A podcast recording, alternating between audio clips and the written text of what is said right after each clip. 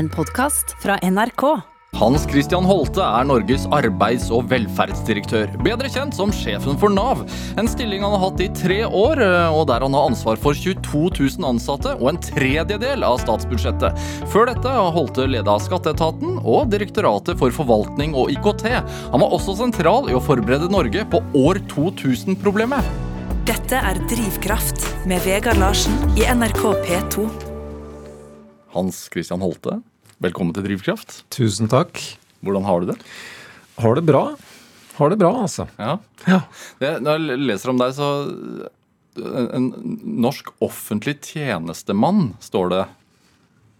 Hva legger du i det å være en tjenestemann?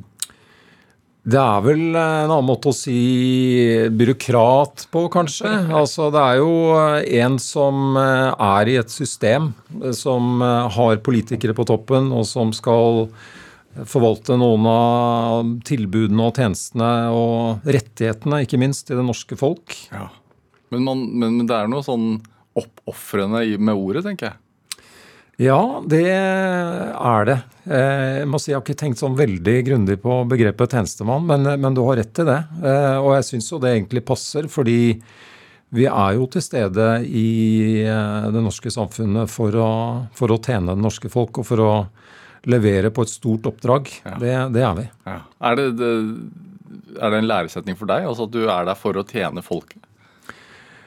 Ja, jeg tenker at det er helt eh, fremst i panna, egentlig. Det å skulle eh, skape et Nav, da, som den jobben jeg har nå, som eh, på best mulig vis skal bidra til at folk i Norge har det bra. At de er trygge økonomisk og sosialt, som det heter i formålsparagrafen vår. Og også at vi hjelper folk til å få arbeid. Så det, det ligger helt der framme. Dere sitter jo på eh, Nav sitter jo på ganske mye data eh, om folk flest.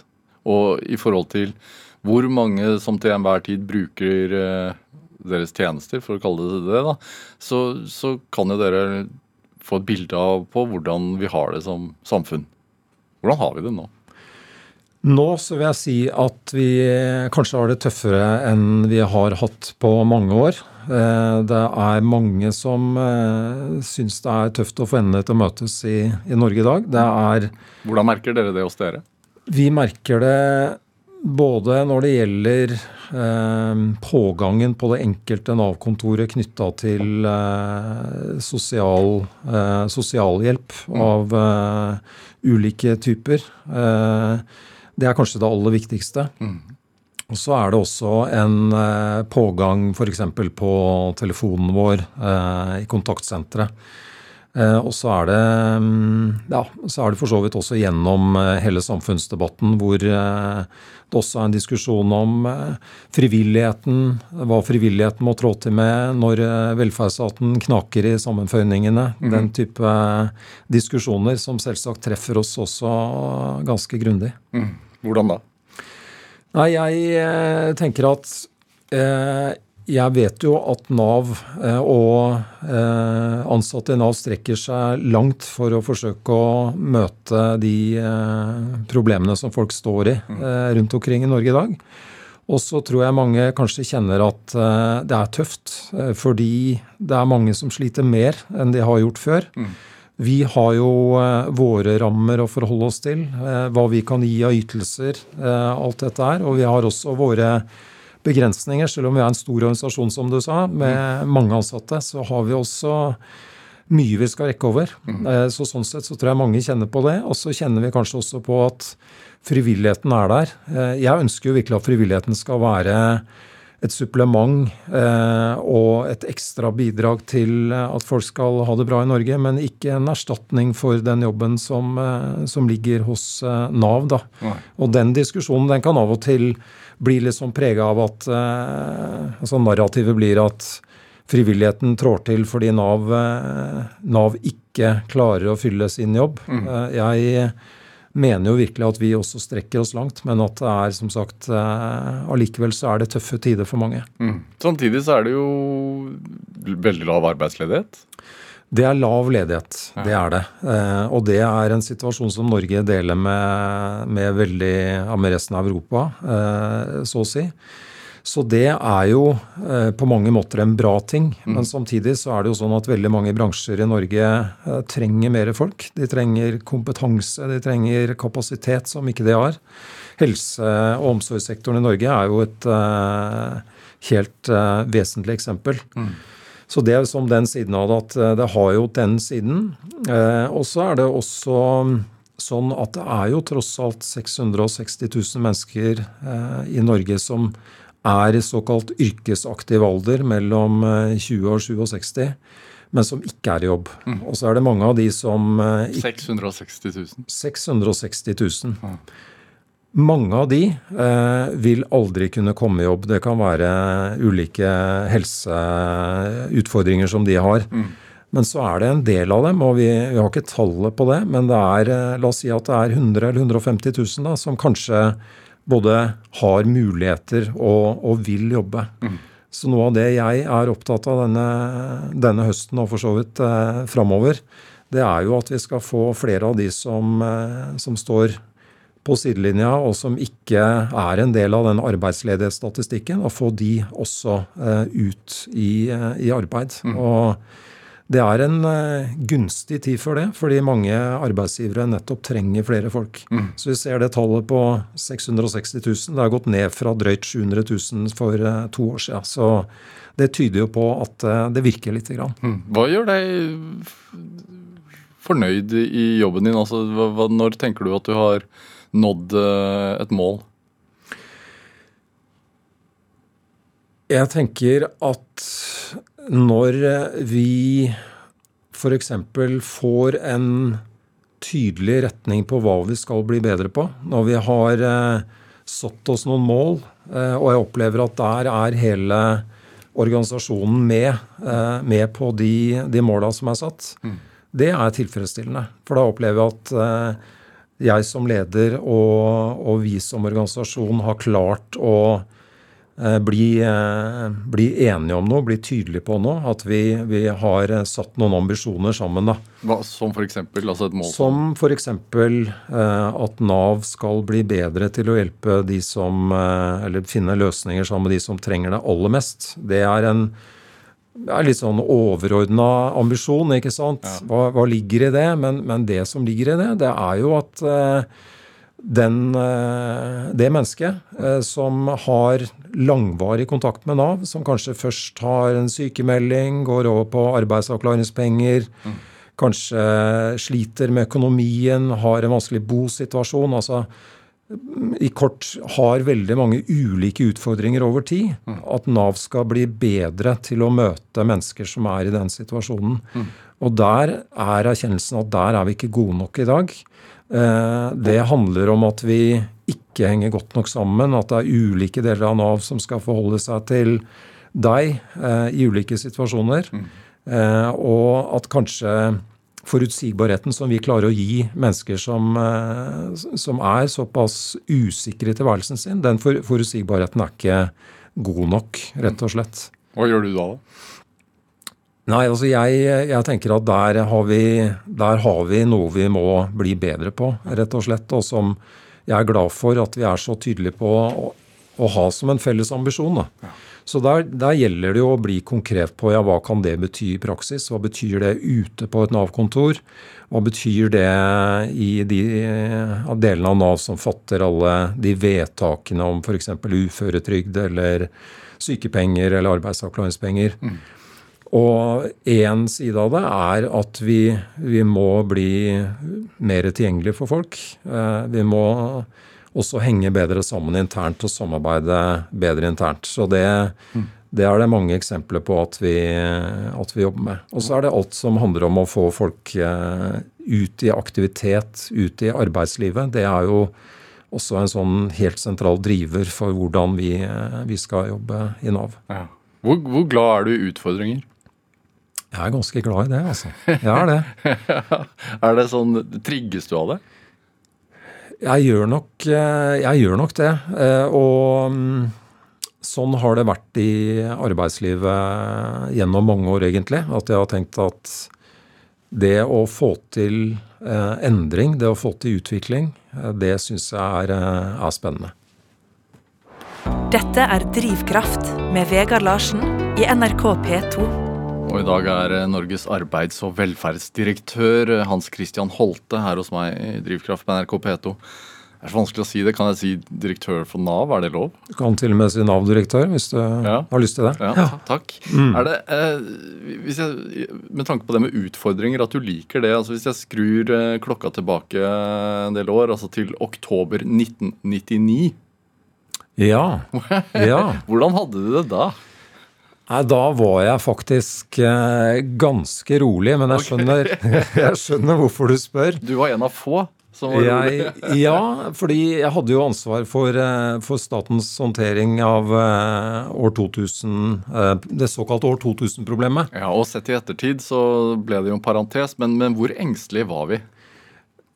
Som samfunn så var vi ganske engstelige. Eh, og så er jeg veldig opptatt av å si hver gang vi snakker om dette her, ja, det var et problem. Ja, men også som, ikke bare i Norge, men som verdenssamfunn. Som verdenssamfunn. Altså, Vi tenkte jo Eh, at dette kunne nærmest bli ragnarok. Absolutt. absolutt. Og, og jeg hadde den jobben, og det var jo masse arbeid på mm, offentlig side som jeg da eh, var i. Og i de siste to åra før tusenårsskiftet. Eh, og for meg så var den jobben veldig sånn delt i to. Det første året, det var eh, type våkn opp, folkens. Altså Her har vi en jobb å gjøre. Og særlig mange små offentlige virksomheter. De, de hadde rett og slett ikke skjønt helt dette problemet med at eh, det var duppeditter hvor du, skulle, hvor du kanskje hadde bare to siffer programmert inn. og eh, ved tusenårsskiftet så ble dette nulla ut og gikk i ball, da, for å si det veldig Hva ville da skje? liksom? Ville alle programmene restarte, eller ville de slutte Ja. å fungere? Nettopp. Ja. Så mange, mange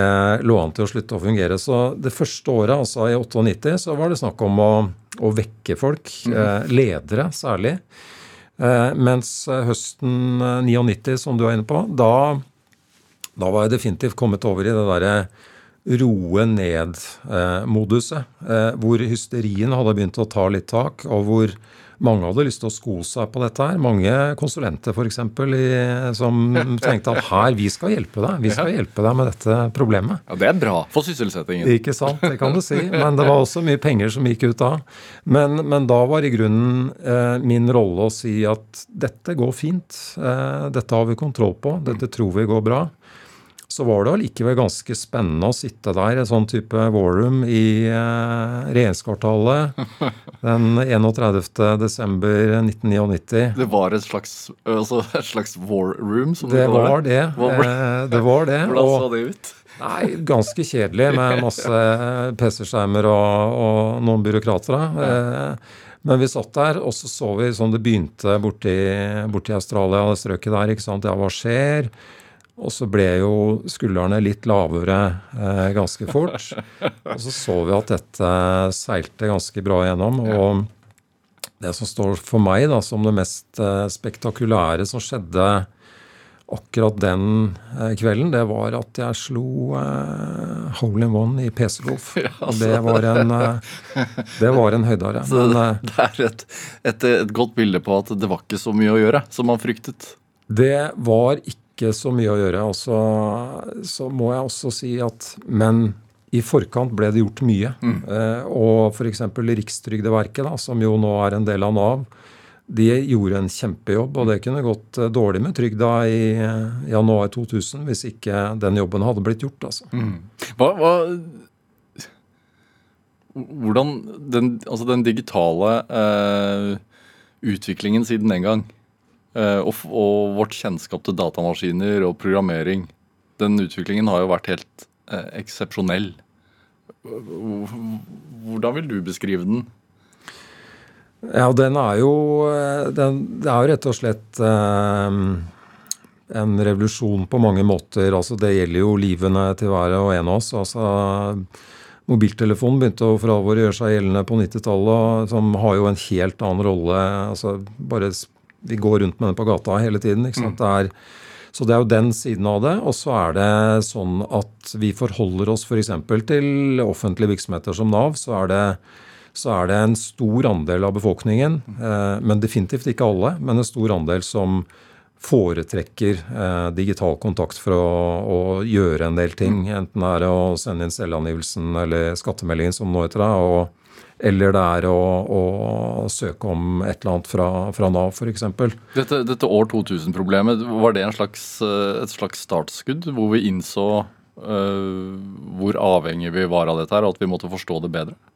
Jeg tror nok at det hadde en sånn effekt. Og noe av det som kom ikke så lenge etter tusenårsskiftet, det var sårbarhetsutvalget som Kåre Willoch ledet. og mm noe av det som skjedde gjennom år 2000-arbeidet, var at særlig, tror jeg, ledersjiktet, som hadde pleid å tenke på IT og digitalisering, som også IT-avdelingen kunne drive med, mm. eh, de skjønte at dette er faktisk viktig for at virksomheten vår skal eh, gå rundt eh, og levere bra. Mm. Så det var nok en vekker for, for mange. Hvor stor av hvor stor IKT-avdeling har Nav? Nav har eh, vel en eh, 800-900 ansatte som driver med dette her. Ja. Eh, og Nav var blant de første offentlige virksomhetene i Norge som gikk tungt inn og snudde eh, fra å være en organisasjon som bestilte masse konsulenter eh, når de skulle gjøre store IT-satsinger, mm. til å ta eh, folk inn i virksomheten eh, og få gode teknologer inne som kunne både skjønne virksomheten bedre, samarbeide bedre med fagfolka eh, i de ulike delene, eh, og altså jobbe med teknologiutvikling. da. Mm, det var før din tid? Dette skjedde før min tid. Dette skjedde sånn 2017-2018, et par-tre år, par, år før jeg begynte, så tok det av for alvor. Hvorfor er det så viktig? Det var viktig for å rett og slett eh, få en organisasjon som eh, virket i hvor, hvor, du klarte å få teknologisk utvikling og, og hele Navs utvikling mm. eh, til å henge sammen. Eh, det var en erkjennelse av at eh, dette er to sider av samme sak. Eh, nå er det sånn at nå sitter det jurister og teknologer mm. og, og, fagfolk på de ulike områdene i Nav og jobber sammen i tverrfaglig team. Og de, de lager nye løsninger som testes ut kontinuerlig før de, før de er, er ute. Og det er en god måte å jobbe på. Mm. Eh, så jeg er ganske stolt av den gjengen der. Altså, før, jeg sier jo Før din tid, var, det, da var jo du i Skatteetaten ja. som direktør der. Mm. Eh, og, og, Skatteetaten er jo en annen etat de fleste av oss forholder oss til. Absolutt. Eh, og, og, den digitaliseringen der har jo også vært relativt vesentlig. Eh, var det en del av ditt virke? Det var en mye digitalisering eh, også de åra jeg var skattedirektør, fra 2013. Eh, men det var også påbegynt, og mye hadde skjedd også før den, eh, den tida der. Så det med å få skattemeldinga ferdig fylt ut og, og sendt ut osv., der har jo skatteetaten har jo blitt en mye mer populær virksomhet eh, gjennom den utviklinga der, vil jeg påstå. At det har vært helt eh, vesentlig. Det er klart at Da jeg var skattedirektør, skatteetaten fikk eh, omdømmeprisen i Norge. Det er eh, Paul Shaffy sa at det, dette er bakvendtlandet Norge. Men uansett, det er jo litt eh, kult, da. Ja, er det, Men er det, er det målet med Nav også? Få omdømmeprisen? Eh, nei, det er ikke målet med Nav. Men, men den forenklingen tenker jeg på egentlig? Ja, forenklingen er, er viktig, tror jeg, for at eh, folk flest skal kunne eh, både ha et godt forhold til Nav og, og rett og slett uh, få ivaretatt de rettighetene de har. da. Mm. Og som du var inne på i starten her, det er, Nav er der litt sånn fra vugge til grav. og har, en, eh, har, mye å tilby og mye å gi mm. eh, det norske samfunnet og, og, mennesker i Norge. Og det er klart vi har en veldig godt utbygd velferdsstat eh, i Norge. Noe som jeg tenker er, er bra. Og så, så, vet vi at det er mye vi kan gjøre for å få Nav til å funke enda bedre mm. Eh, enn det gjør i dag. Da. Kunstig intelligens? Kunstig intelligens er noe av det jeg tenker vi bør finne måter å ta i bruk eh, på som kan være en god hjelp eh, for Nav. Jeg tror det kan være bra. Det skal være forsvarlig. det skal, eh, Folk skal være trygge. Det skal ikke være sånn at du får et vedtak fra Nav, og så er beskjeden at nei, dette har, dette har maskinen bestemt, og, og at det er en sånn type svart boks, nærmest. Nei, Hvorfor ikke? Nei, for det er viktig for tilliten folk har eh, til systemet at de skjønner eh, de vedtakene som gjøres. Mm. Og det, det, er vi også Det skal vi også jobbe med for å bli bedre på. Ja, for det, det er det jo en del eh, som kritiserer at det er vanskelig å forstå. Ja, og det tror jeg de kritiserer med god grunn. Ja. Er, vi er ikke gode nok på å gi de forklaringene. og det det er noe av dette her utviklingsarbeidet da, som jeg syns er, er, spennende og viktig å, å jobbe med. Ja. Lang behandlingstid, er det noe som sier? Lang behandlingstid kan folk eh, oppleve. Og det som er med Nav, at det inneholder så mye. Ja. Sånn at eh, mye kan gå veldig smooth, og det er ikke det du leser med avisa. Og så er det noe som, noe som ikke, ikke, gjør det. Eh, alderspensjonistene f.eks. De er stort sett godt fornøyd med Nav fordi det går, det systemet går, går, ganske greit. da. Jeg kan rose dere. Da jeg hadde, fikk foreldrepenger for å være hjemme med sønnene mine, så gikk det utrolig som smurt, si. Ikke sant? Og det er, det er, en ganske sånn eh, ny del av eh, de digitale løsningene Nav, som, eh, som, jeg da også får høre mye bra om. Så det er den jobben vi, vi gjør, at vi liksom går gjennom en store, store mengden av tjenester vi har, og så gjør de, gjør de mer effektive. Da. Hva med det menneskelige aspektet? ansiktet, den, eh, den, samme behandleren. altså som man, eh, At man møter den, det samme mennesket gang på gang. Ja, det er, eh, det er utrolig viktig. Og det er Der har vi også mye vi skal gjøre bedre. F.eks. det at de som, de som nettopp er hos oss over tid, at de kan møte folk de kjenner fra før. Det vet vi jo fra andre områder også. Det er en en viktig ting eh, som vi ikke alltid får til, eh, får til, godt nok. Og hele den delen av Nav som jo er så sentral, nemlig å se eh, et menneske og tenke ja, hva kan vi gjøre for å hjelpe deg i aktivitet, eh, for at du kan få arbeid osv. Da er den menneskelige delen av det definitivt uh, viktig. Så er, den vil alltid være der. Er det en del av uh, ditt mantra, altså for de ansatte? At uh, husk at det er et menneske? Ja, det, det, er, det, kan du godt si at det er.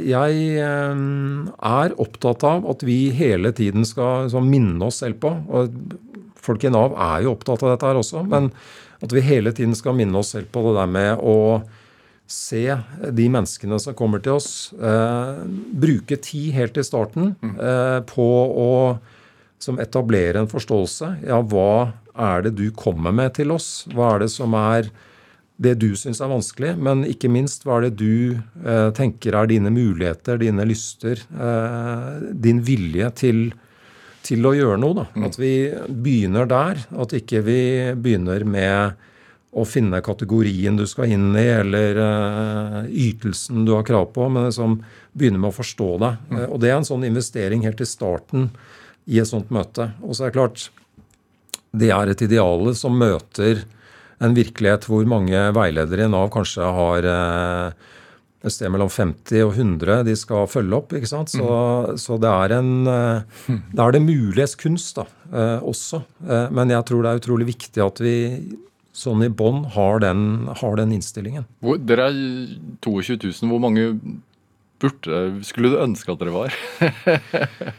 jeg tror jo fint vi kunne vært litt flere. Eh, men eh, jeg tror eh, her, Nå har jeg jo vært i det offentlige systemet i mange mange år, så jeg som venter meg til å tenke at ok, de budsjettene vi har, de, de har vi. Mm. Og så får vi gjøre det beste ut av det. Og det er det jeg syns er er en del av jobben min, da, er jo å gjøre det beste ut av det. Mm. Det er jo også, har ca. en tredjedel av statsbudsjettet i dag. Det har vi. Eh, men jeg leste også at målet er at innen 2030 så skal dere ned noen, noen prosent. Ja, det er vel fortsatt eh, Kommer vi alltid til å være ganske stor del av statsbudsjettet. Jo da. Eh, det, det, tror jeg nok. Men fra, fra 35 til kanskje 34 da, prosent, eller 30 Ja, kanskje. Kanskje. Det, men det er jo da på, på ytelsessiden. ikke sant? Det er jo det som er Eh, denne store andelen av statsbudsjettet. Og så, så, er jo det som brukes for å få Nav til å gå rundt, eh, noe helt annet, selvsagt. Mm, mm. Er det Jeg har en del gjester her eh, som, som, eh, For vi snakker jo om drivkraft, hvordan man ender der man gjør. Og, og en del av gjestene, eller noen av gjestene, sier at de turte å ta en risiko i løpet av karrieren eller livet. Fordi de hadde en tanke om at hvor galt kan det egentlig gå? Jeg kommer jo fra Norge. Oversatt vi har jo Nav som et sikkerhetsnett. Hva tenker du om en sånn tankegang? Jeg tenker at eh, hvis velferds, det velferdssamfunnet vi har, eh, hvis det kan bidra til at folk er trygge og tør å, tør å, å prøve seg mm. eh, på det de vil, eh, tenker jeg det er en, en bra ting. Mm. Eh, og, og, og, jeg tror at eh, trygghet er viktig eh, i den bransjen vi driver i Nav. Altså jeg tror, jeg tror mer på det eh, enn at det er eh, først og fremst passiviserende. Da. Eh, man kan jo tenke seg at trygder, ikke sant, å få f.eks. Ja, støtte i en tid hvor du ikke jobber, at det, det, virker passiviserende. Det vi opplever i Nav i veldig stor grad, er jo at folk eh, egentlig ønsker eh, å bidra på en eller annen måte. Ønsker å, å bruke seg sjøl, ønsker å være en del eh, av samfunnet. Og så kan det å ikke ha den økonomiske tryggheten som i bånn, da. Mm. Det kan eh, bli så krevende, så altoppslukende, at det blir vanskelig å, å liksom, ha blikket på det du selv kan bidra med. Det blir eh, eh snakket med, med, noen av de som har skrevet bøker om hvordan det er å vokse opp som fattig, f.eks. Og mm. Det er eh, Når hun Kajsa Hansen Sukhov beskriver det, så beskriver hun eh, egentlig et sånn press på å være kreativ hele veien. Altså hvordan, hvordan skal jeg betale den regninga? Hva gjør jeg for å Enten det er eh, containerjakting eller hva det nå er. ikke sant? Det er, jeg synes det det er ganske tydelig at mange av de som er fattige, de må bruke mye tid på å klare eh, å leve gjennom det å være fattig. Mm. Men hvordan hjelpe de som er langvarig uten arbeid, da? Som, som ikke sliter med å komme seg inn igjen? Jeg tror det er um, Som sagt, det begynner med å å forstå mulighetene og gå, gå rett på, på vilje og, og, muligheter. At det er, eh, det er, der, eh, det er der du må starte. Og så er det ikke noe svar som gjelder for alle. Men, men det kan være For, for noen så er, det, så er det en sånn liten terskel du må begynne med. Kanskje har du problemer med å være sosial. Kanskje sitter du hjemme med sosial angst. Så har jeg møtt, eh, besøkt Nav Kristiansand og møtt folk som har vært i samtalegrupper én time i uka. De begynner der mm. uten noe mer enn det. Så har de en start. Eller på Fontenehuset, hvor de kommer og, og eh, jobber i en frivillig organisasjon. Eh, lager lunsj den dagen, altså gjør, gjør ganske sånn grunnleggende ting. Men, men, er på et helt annet sted enn de er om de hadde sittet, sittet hjemme. Mm. Det er som en, en start for noen så vil det ta, ta tid, og for noen så er det kanskje ikke realistisk eller eh, sannsynlig at du kommer helt ut i en full stilling i arbeidslivet, men, men, det er noe med å bruke de mulighetene du har. Mm. Hans Christian Holte, du snakket jo litt om å ta risiko. Du tok en risiko en gang med å flytte til USA. Uh, vi skal høre litt musikk som du har med. og Remedy of the Black Crows, uh, hvorfor den? Ja, 'Remedy of the Black Crows' det er jo eh, For det første er en kjempebra rockelåt. Eh, og jeg liker mye forskjellig musikk, men, eh, men, det er en del av meg. Det er disse klassiske rockelåtene. Og, og, med en vokal og med et keyboard, som jeg håper du rekker å komme til når du skal spille den som, som, er skikkelig bra. Og så var dette en låt som, eh, som, på mange måter kan sies å ha vært et sånn soundtrack til eh, en tur jeg hadde i eh, USA i 1993, da jeg jobba der borte og dro på US On The Road med min irske venn. Eh, I vår leide Chevy Beretta så dro vi rundt på 17 stater på 16 dager eller noe sånt. og da var 'Remedy' en av de låtene som festa seg. Det er, det er, sånn jeg har det med musikk. At det er eh, De er ofte assosiert med steder eh, eller tider som, eh, som har vært der. Og Dette var jo USA, du jobba i det private næringslivet der. Jeg jobba i det som da het Anderson Consulting, og var konsulent. Hva syns de om å dra på ferie? De hadde ikke noe særlig forhold til det. Eh, De døpte sånne folk som Amon eh, fra Irland og meg som eh, De kalte oss The Holiday Twins fordi vi fant på sånne ting. Men, men du er glad i ferie? Ja, Jeg er veldig, veldig glad i ferie, altså.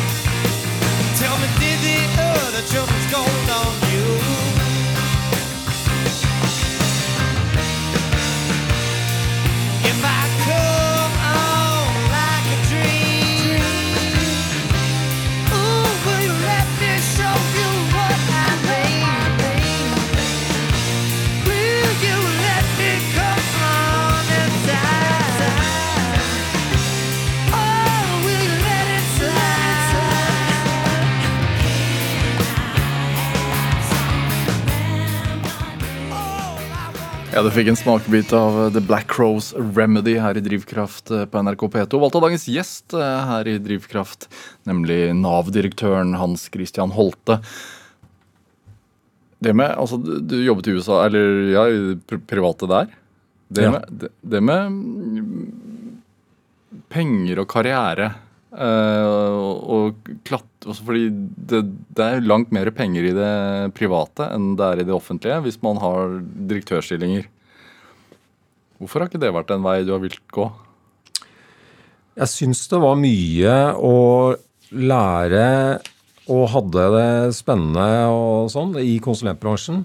Eh, men jeg har nok sånn innerst inne hele veien så har jeg jakta på noe annet. Eh, Hva er det? det er det er rett og slett å bidra til eh, å skape et godt samfunn i Norge. Det, det gjør konsulenter òg, altså. Det er ikke det. Men, men, eh, men jeg har nok en sånn eh, et hjerte for De gjør det ofte for eiere. ja, Ja. ja, og det er ofte bunnlinja, og det er andre Det er, som, det er den delen. Mm. Så jeg merka nok også gjennom de årene jeg jobba i konsulentbransjen, at jeg tenkte på det. Jeg hadde litt sånn diskusjoner med meg selv. At ja, dette kan du lære mye av, og kanskje bringe inn til det offentlige seinere. Altså, jeg hadde litt sånne eh, Du kan kalle det en slags sånn sekundære begrunnelser for at jeg jobba med det jeg gjorde, eh, som dreide seg litt om min egen læring og sånne ting. Og så eh, kom jeg nok litt mer hjem da jeg kom til, eh, til det offentlige sånn eh, slutten av 90-tallet. Hvor kommer den innstillingen fra, tror du? Det ønsket om å bidra til en bedre samfunnsutvikling? Jeg tror jeg nok kanskje har litt av det hjemmefra også. Eh, Jeg vokste opp i et hjem som med to samfunnsengasjerte foreldre. En eh, professorpappa og en eh, mor som var først sosionom, og så utdanna hun seg til å bli psykolog da jeg eh, var sånn barn og ungdom. Radikalt hjem? Ja, det, det var det. Radikalt rotete, eh, pratsomt hjem. Eh, Hva er et rotete hjem? Ja, det er bare akkurat det jeg sier. Det var jævlig rotete der. Og det, men det, det var et eh, fint hjem, flott hjem å, å vokse opp i. Med, faren min var eh, mye hjemme med sine greier som han skrev på. Professor i sosialøkonomi, som det het den gangen. Og Fritz Holte. Fritz Holte jobba på Ås. Eh, da han slutta som lærer der, så hadde han jo mye sånn type Frelse verden-prosjekter. Skrev bøker, samarbeida med Alternativ Framtid, sånne ting. Så, så var de begge også litt sånn politisk engasjert. Eh, men jeg tror ikke jeg hadde med meg den eh, varmen eller kjærligheten til eh, ja, til det offentlige, rett og slett. Altså litt sånn eh, få et samfunn til å fungere. Og noe av det som jeg syns har vært fint, har vært å ha med meg litt av den innstillingen også fra konsulentbransjen, som er komme til et sted og som, jobbe sammen med folk for å se ja, hva kan vi gjøre bedre, hvordan kan vi utvikle. Eh, og det, det har eh, Det kom jeg vel til på den tida der da jeg var i USA og kjørte rundt og hørte på det på Remedy og sånn, at da var jeg nok begynt å bli moden for å gå tilbake til eh, det offentlige. Så det kom etter hvert, etter noen år i konsulentbransjen. Hva er det, hva er det snakk om da? Effektivisering? Hva, hva tenker du på da? Nei, Som man tar med seg da?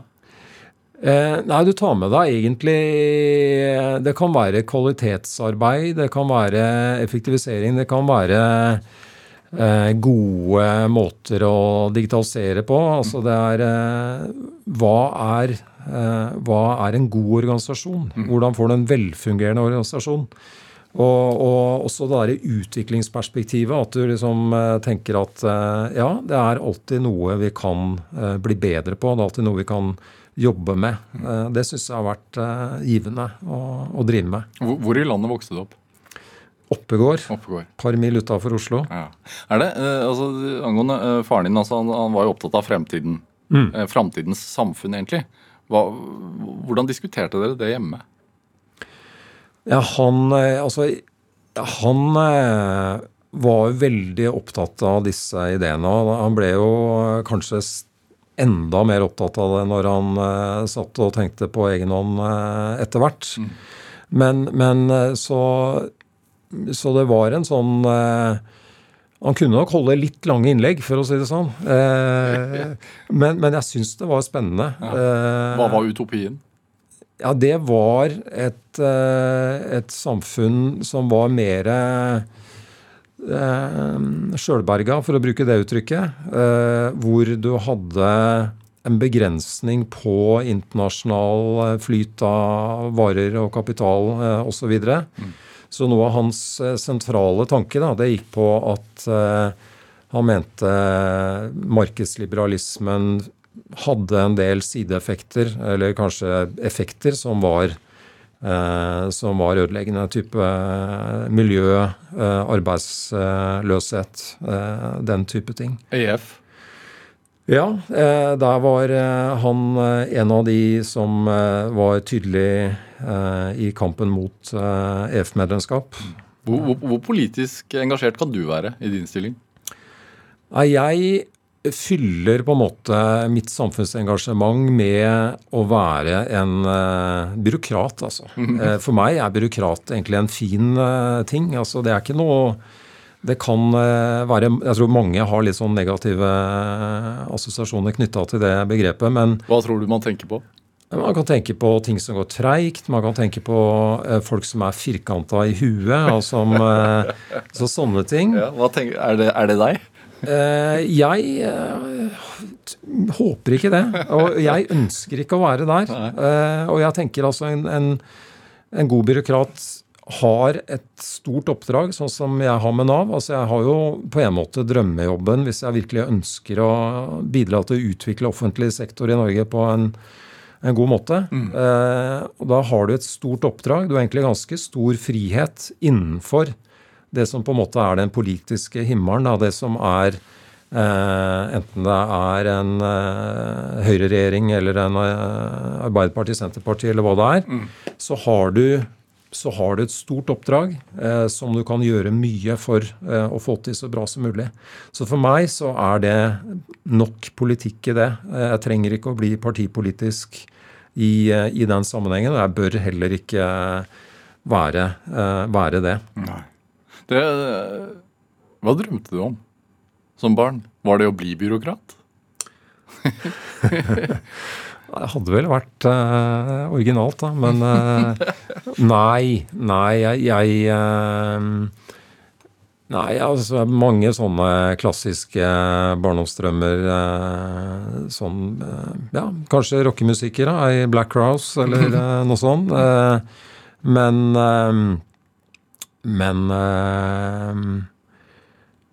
jeg hadde, jeg hadde nok ikke så klare tanker. Jeg har vært en litt sånn virrete fyr, hvis jeg ser på tida fra skole, universitet eh, og inn i arbeidslivet. Jeg hadde en jeg gikk samfunnsfag på, på videregående, og så hoppa jeg over til eh, naturfag og informatikk og matte og sånn på universitetet, før jeg hoppa tilbake igjen til statsvitenskap. Og Så hopper jeg altså inn i konsulentbransjen og over til det offentlige. Så det har vært litt sånn Jeg har nok søkt litt underveis. Hva søkte du etter, da? Nei, Det går nok litt sånn på en sånn følelse av å være på rett plass og, og eh, Jeg tror nok det har noe med verdier du har i deg, og eh, hvor du tenker at du kan få brukt deg selv. da. I forhold til eh, det at du er direktør, eh, altså Nav-direktør, og, og eh, det å få folk ut i arbeid er en vesentlig del av oppdraget deres. Eh, og- dere står på en måte i den ene enden etter at eh, folk har gått gjennom et utdanningsløp eh, eller ikke, og, og blitt voksne og, og står der da med, med lua i hånda.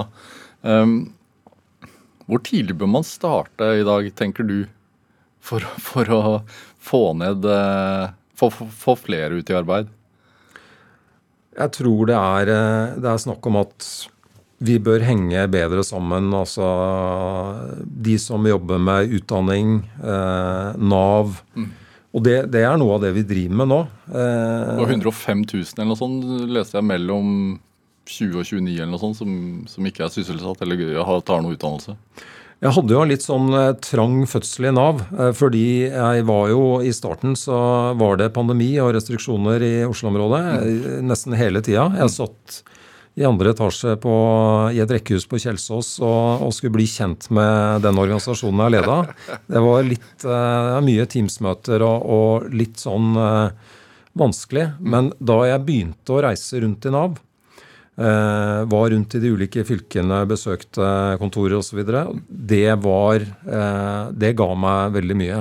Bare sånn ett eksempel på det vi snakker om nå. Jeg var besøkte Vestviken. Eh, var på noe som het eh, Vikersund-prosjektet. Eh, det var eh, typiske dropouts eh, fra videregående som eh, da fikk sjansen til eh, å jobbe der oppe i selve Vikersundbakken, altså, med, med sånn type bygg- og anleggslinjer, eh, hvor de både fikk utdanning eh, og arbeid. Eh, og der eh, traff jeg en del eh, unge, særlig gutter. Eh, de kjørte rundt i sånne digre dumpere og sånne kjempemaskiner eh, som de lærte seg der. Eh, De skulle ta lappen akkurat når jeg kom opp. De drev og slalåmbrygga mellom sånne lysmaster. Veldig imponerende. Og jeg prata med en av de, de gutta var og snakka med han som satt oppi denne dumperen. Han spurte han som ja, skolen, hvordan Nei, skolen var helt jævlig, liksom. Det var ikke eh, ikke noe ålreit. Men, men nå, hvordan er dette da? Nei, det var, det var et mirakel, sa han. Altså en ung gutt på, på 17-18 år eh, som eh, da hadde en sånn miks av å få brukt seg sjøl i den jobben og få kanskje et fagbrev eller noe sånt i, i andre enden. da. Så det å jobbe på den måten der, eh, det, det tror jeg på. Hva gjør det med oss å være i arbeid? Jeg tror det gir oss tilhørighet. Eh, det kan eh, gi oss eh, selvtillit og selvrespekt, eh, tror jeg. Og det kan, det kan gi oss en ramme for livet og en rytme i livet som, som vi, mange av oss vil savne, tror jeg, hvis vi, hvis vi ikke har det. Hvor mange sykedager pleier du å ha da i løpet av et år? Eh, det er ikke så mange. Nei. Hvordan er en arbeidsdag? Hvor mange timer er det snakk om? Jeg har alltid egentlig vært flink til å sette den grensa, selv om jeg har jobber som, eh, som krever mye. Så jeg, jeg tror ikke på noen sånn 70-timersuker, jeg, altså. Så den er ikke så, den er ikke så rå. Det er en del eh, helgedager som er fri og, og sånne ting. Jeg har også lest at uh, Nav-direktørene har eh, tendenser til hypokondri. Ja, det har vel eh, Det er vel ikke så gærent. eh, Det er vel riktig, det. Ja. Ja. ja. Er det, hva, er du redd for? Nei, det er Skal jeg se litt positivt på det, så er det liksom den andre siden av å være veldig glad i livet, da. Altså, jeg, jeg vil gjerne være her eh, lenge, kjenner jeg. Så, så det har nok noe med det å gjøre. Nå, nå har jeg hatt noen alvorsprater med kona om akkurat det der, og, og hun har egentlig satt meg inn i litt sånn bedre tankespor, altså. Ok. Så Hva, kom, men hva var løsningen? ja, løsningen var at hun sa noe sånn som at eh, Herregud, Hans Christian, du må, du må være takknemlig for det du har. Du må liksom ikke ha blikket på det som kan skje, men, men eh, tenk at ok, det, du har mye å være takknemlig for, og det tenker jeg hun har veldig, veldig rett i. altså. Er det i, i forhold til det å, å være til stede nå og ikke tenke fremover øh, Som leder for, for, for Nav, hvor vesentlig er det å tenke verst mulig scenarioer? Jeg tror jo vi eh, altså, Pandemien, f.eks. Den, den, vi så jo ikke den komme. Nei, vi så ikke den komme. Altså, vi, må, vi må tenke som ha beredskapsplaner og sånne ting. Men, men jeg tror det vi, det vi eh, Det er jo mulighetene vi leter etter i, møtene med folk. Så det, er, det er det utgangspunktet, ikke sant. Eh, og så er, det, er det mye vi skal passe på. Det er mye, mye sånn type altså hacking av Hvis, hvis hele Nav går ned, da, mm. og du ikke får gjort utbetalinger altså Vi, vi eh, betaler ut over millionen i minuttet, ikke sant? så det er, det er mye penger som går ut av eh, dette systemet. Og, så der må vi jo også passe på, selvsagt. Men i forhold til Jeg tenker på fremtidsutsikter. ja, Altså, eh, du styrte jo Var jo en del av eh, de som skulle hjelpe oss gjennom år 2000-problemet. Men altså hvis man ser fremover, så snakker man jo om kunstig intelligens som vil ta jobbene våre i større grad. Eh, vi har en eldrebølge som vi vet kommer. Eh, færre barn blir født. Også. hvor lang tid fremover ser du? Ja, Vi ser eh, noen år fram, eh, og vi har også To, fem, hva er det sånn Ja, det er 2035 20, 2035 eh, har vi vel sett fram til. Det er, vi har noe vi kaller sånn omverdensanalyse, som eh, flinke folk hos meg eh, lager. Og det er jo ikke sånne helt eh, Det er ikke det helt uforutsette som ligger der, men det er nettopp noen av det, de tingene du snakker om eh, nå. Med, med hva skjer med befolkningen vår, demografien, ikke sant. Eh, fraflytting fra byer, ja. ja, alle disse tingene her. Så, så mm, vi har Vi forsøker jo å som ha blikket der, eh, der også. Og hva er scenario? Scenario er at eh, det å det å finne gode velferdsløsninger for, eh, for hele befolkningen, det, det krever nok at vi må jobbe enda smartere enn vi gjør i dag. Jeg tror f.eks. kunstig intelligens kan hjelpe oss noe, men vi må f.eks. løse det. Hvordan skal et lokalsamfunn som etter hvert kanskje har en veldig eh, stor grad av eldre befolkning, hvordan skal vi ivareta dem med, med velferdstjenester? Mm. Tror du at vi um, på sett og vis har hatt det så godt som vi kommer til å ha det i forhold til uh, fremtiden? Altså sånn de velferdsgodene vi har hatt i Norge og har i Norge. Har vi råd til den utviklingen? Jeg syns eh, det er I veldig stor grad så er det også et politisk eh, spørsmål. Eh, det hender jeg som byråkrat havner der, for å si det sånn. Ja. Og det, det er, men det mener jeg det er, fordi at det er noe med, med hva vi Har å rutte med? hva vi har å rutte med. Og Norge er, er jo ganske bra stilt i, i utgangspunktet. Mm. Eh, så, så det vil avhenge både av hva vi skaper av verdier, og vi, eh, hvordan vi bruker dem. Da. Hva Det med å være leder for 22 000 Hvor, Hvordan motivere da den enkelte? Hva, de, hva, hva har du gjort?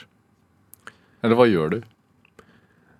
Noe av det som eh, jeg syns funker, er å kjøre allmøter for hele Nav.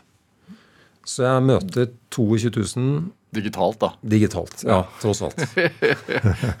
Fylle Ull Ullevål. Ja, nettopp. Nei, men, men, men det å ha sånne møter, det, det er i hvert fall én ting. Ja. eh, hvor jeg treffer hele organisasjonen. eh, og det ikke er en sånn mange ledd som eh, informasjon skal gå gjennom. Eh, og det å gjøre sånne møter så relevante som mulig, kanskje ta opp noen av de det skal ikke være sånn glansbilde hvor jeg kommer med noe propaganda om eh, alt som er bra med Nav, men det skal være også de vanskelige diskusjonene om hva vi eh, kanskje ikke får til så godt, hva vi må jobbe, jobbe mer med osv. Uh, jeg tror det, det som kan eh, motivere og inspirere en så stor organisasjon, da bør, bør jeg også vise at jeg ser hva vi gjør eh, rundt omkring i Norge. At jeg ser hvordan vi jobber. At jeg har eh, nok forståelse, nok innsikt i det. da. Det tror jeg er viktig. Og så bør jeg jo i tillegg eh, si noe om hva jeg mener. Hvor er vi på vei igjen? Hva, hva er viktig Ja. framover? Det For det er jo, det er jo tidvis en, en utskjelt eh, organisasjon. Eh, kanskje ikke fortjent, men likevel. altså Fordi at det angår såpass mange. Og man spør jo «Å, kan jeg ikke få mer penger, og tar det så lang tid? Hvordan, hvordan bygge en stolthet? Det er eh, å se det vi gjør eh, hver eneste dag. De, de gode historiene som ikke, i hvert fall ikke nasjonale medier selger like bra, men de, de er der. Ja. Så jeg er opptatt av å bygge den stoltheten samtidig som eh, vi har en bevissthet på at vi også feiler, at vi, vi er ydmyke. Ja, hvorfor er det viktig å, å innrømme det? Jeg tror det er kjempeviktig for Nav, fordi vi er en mektig, mektig kraft i veldig mange menneskers liv. Eh, vi må bare være ydmyke. Vi må eh, vise våre feil, og så lære av de feilene vi gjør. Så jeg tror det er noe av det aller viktigste at vi hele tiden har med oss. Så ydmykhet betyr ikke at vi liksom er selvutslettende og, og legger oss paddeflate hele tiden, men det er noe med å som ha den åpenheten eh, i møte med folk, tror jeg er, er viktig. Er du ydmyk? Jeg eh, tror jeg kan være ganske ydmyk. Ja. Er det viktig også i, som leder? Ja, jeg tror det er viktig. Jeg tror det er viktig både for å få til godt samarbeid med verden rundt, som er en viktig del av det å være en toppleder, mener jeg. Eh, og også for å vise organisasjonen eh, og, og prege, i, i den grad en toppleder kan bidra til å prege en organisasjon, også prege organisasjonen du, du leder. Jeg tror det er en, en verdi som er eh, sunn å ha med seg veldig mange steder, men definitivt også i Nav. Da. Det er jo åremålsstilling. Ja. Eh, Du kan vel ha den maks ni år? Jeg kan ha den i tolv hvis eh, hvis jeg blir gjenvalgt, eh, eller altså blir gjeninnsatt, eh, og, og selv ønsker å gå på en ny runde, så er det altså to ganger seks år. Ja, hva, altså, den, den, den tid åremålet er over, hva, hva slags organisasjon ønsker du å gi videre? Nei, Jeg ønsker å da gi videre en organisasjon hvor vi har eh, kommet eh, dit at flere opplever at de får støtte eh, fra oss. At vi eh, sånn sett fungerer bedre. At vi er der og gir de tjenestene vi skal til folk. Ja, og vinner omdømmeprisen, sier. Ja, det var det. det, var det. Hans Christian Holte, hva er drivkraften din? Ja, drivkraften min er å utvikle offentlig sektor i Norge så vi får et godt samfunn å leve i. Lykke til. Tusen takk for at du kom til Drivkraft. Veldig hyggelig å komme. Hør eh, flere samtaler i Drivkraft på nrk.no eller i appen eh, NRK Radio. Send oss ris eller ros, og også tips til mennesker som du mener har drivkraft. Send den e-posten til drivkraft-nrk.no Vi hører veldig gjerne fra deg. Produsent i dag det var eh, Olav Tessem Widsvang. Dette var Drivkraft. Jeg heter Vega Larsen. Vi høres. En podkast fra NRK. På begynnelsen av 2000-tallet dør flere helt friske nordmenn på uforklarlig vis. Han var jo ikke syk i det hele tatt. Hvorfor er han død?